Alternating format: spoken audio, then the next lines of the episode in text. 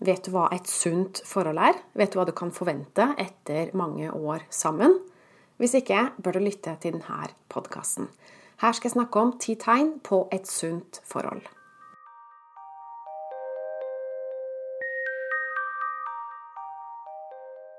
Jeg heter Line Strandvik. Jeg jobber online som personlig veileder, hvor jeg hjelper deg tilbake til sannhet, hvor livet er ekte og meningsfylt.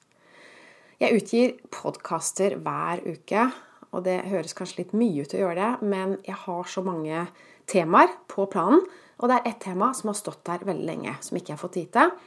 Og det er et spørsmål jeg fikk for mange år siden, og det er det at hva kan man forvente etter ti år sammen i en travel hverdag med barn? Hvor bra kan man forvente å ha det sammen? Og jeg har også fått spørsmålet hvordan vet man om man elsker noen? Jeg vet at det er mange som er forvirra om det her. Hva er et sunt forhold? Og For en stund tilbake så lagde jeg en podkast om ti tegn på en skjult narsissist.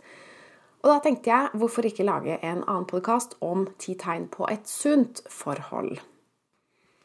Og i dag har jeg snekra sammen en liste med ti tegn. Og det er en liste jeg har fått fra min samarbeidspartner og mentor Melanie Tonje Evans.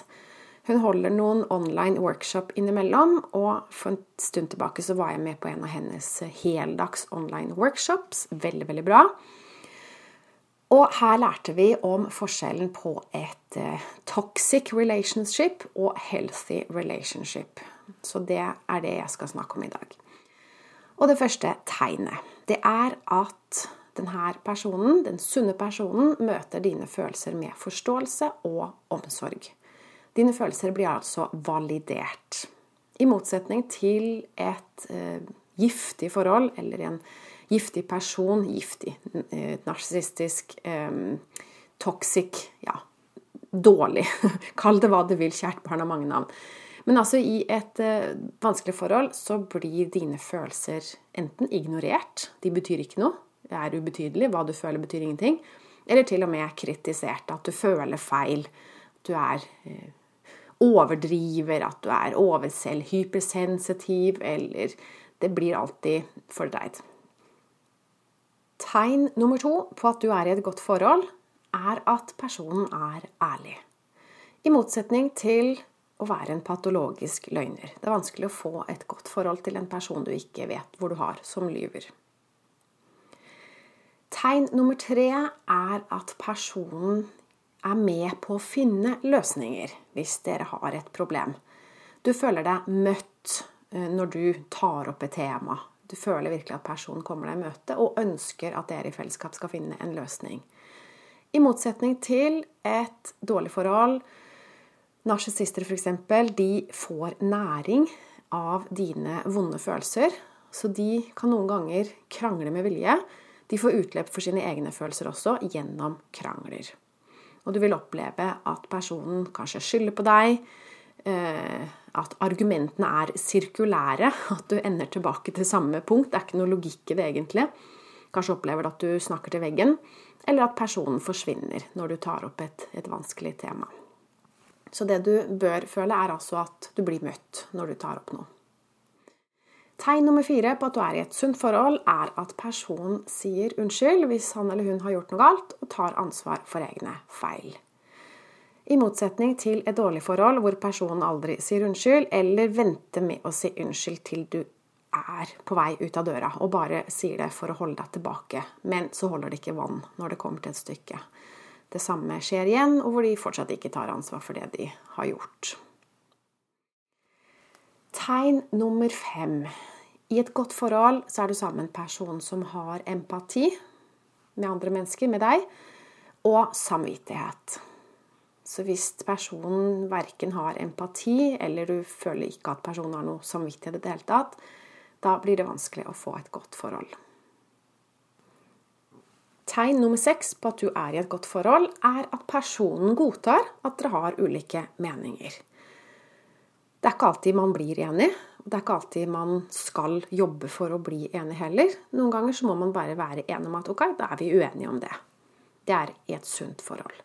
Mens i et usunt forhold så er det en person som alltid skal ha rett, og som ikke gir seg før den andre eh, sier seg enig, eller later som den er enig, eller, eller det blir krangler. Det syvende tegnet er at personen støtter deg i dine mål og drømmer. Selv om det er noen mål og drømmer som personen kanskje ikke helt forstår eller ikke deler med deg, så støtter de deg fordi eh, de vil ditt beste, rett og slett. Fordi de er glad i deg. Tegn nummer åtte er at personen elsker deg selv om du gjør noe dårlig. Det er ikke betinga kjærlighet.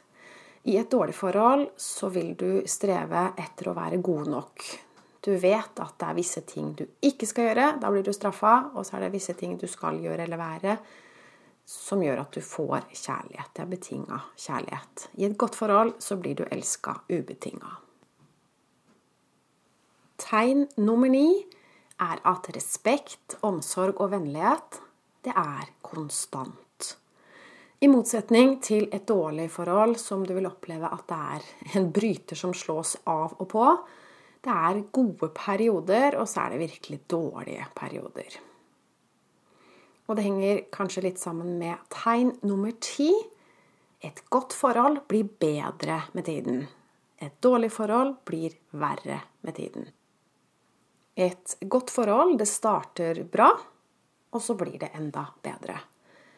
Mens et dårlig forhold, det kan starte veldig bra. Det kan starte med et brak, med en stormende forelskelse.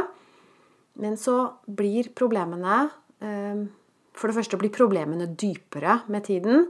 Det blir mer inngrodd, og så blir det hyppigere. Så et godt forhold blir bedre med tiden. Et dårligere forhold blir verre med tiden.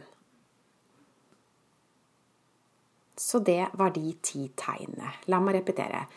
Hvis du er i en sunn relasjon, så vil denne personen møte dine følelser med forståelse og omsorg. Nummer to personen er ærlig. Nummer tre personen søker løsninger, og du føler deg møtt når du tar opp et problem. Nummer fire personen kan si unnskyld og ta ansvar for egne feil. Nummer fem personen har empati og samvittighet. Nummer seks Personen kan godta at dere er uenige noen ganger, at dere har ulike meninger. Nummer sju støtter deg i dine mål og drømmer. Nummer åtte elsker deg ubetinget, dvs. Si også hvis du gjør noe feil. Nummer ni respekt, omsorg og vennlighet er konstant. Og nummer ti forholdet blir bedre med tiden. Som sagt har jeg plukka ut de tegnene som jeg lærte, på en workshop med Melanie Tonje Evans. Og jeg er forhandler for hennes kurser, og du kan lese om dem på min webside linestrandvik.no. Under e-butikk så kan du se kurser med Melanie Tony Evans. Det å være i et sunt forhold, det er jo selvfølgelig mye bedre, mye hyggeligere enn å være i et dårlig forhold har du lyst til å lære mer om hvordan du kan få sunnere forhold i ditt liv. Det handler ikke bare om en kjæreste, det handler om forhold i seg selv. Og en liten hemmelighet hvis du vil forbedre dine forhold, så start med å forbedre forholdet til deg selv. Når du forbedrer forholdet til deg selv, så forbedres forholdet du har til andre mennesker også. Så ved hjelp av personlig veiledning så kan du også styrke dine relasjoner. Og som jeg sa i begynnelsen av podkasten, så jobber jeg online som personlig veileder. Hvis du ønsker min hjelp, så gå inn på linestrandvik.no klarhet og bestill en gratis introsamtale med meg. Så tar vi det derfra. Så jeg håper det her var nyttig å lære litt om hva en sunn relasjon er. Vi trenger å lære begge deler. Både hva vi skal være oppmerksom på i et dårlig forhold, men også hva vi skal være oppmerksom på i et godt forhold, sånn at vi kan gjenkjenne det når vi har det, og ta godt vare på det. Forhold skal være nærende, de trenger ikke å være tærende. Så la det bli det siste ordet for nå. Tusen takk for at du fulgte med. Jeg ønsker deg en fin dag videre. Ha det riktig godt.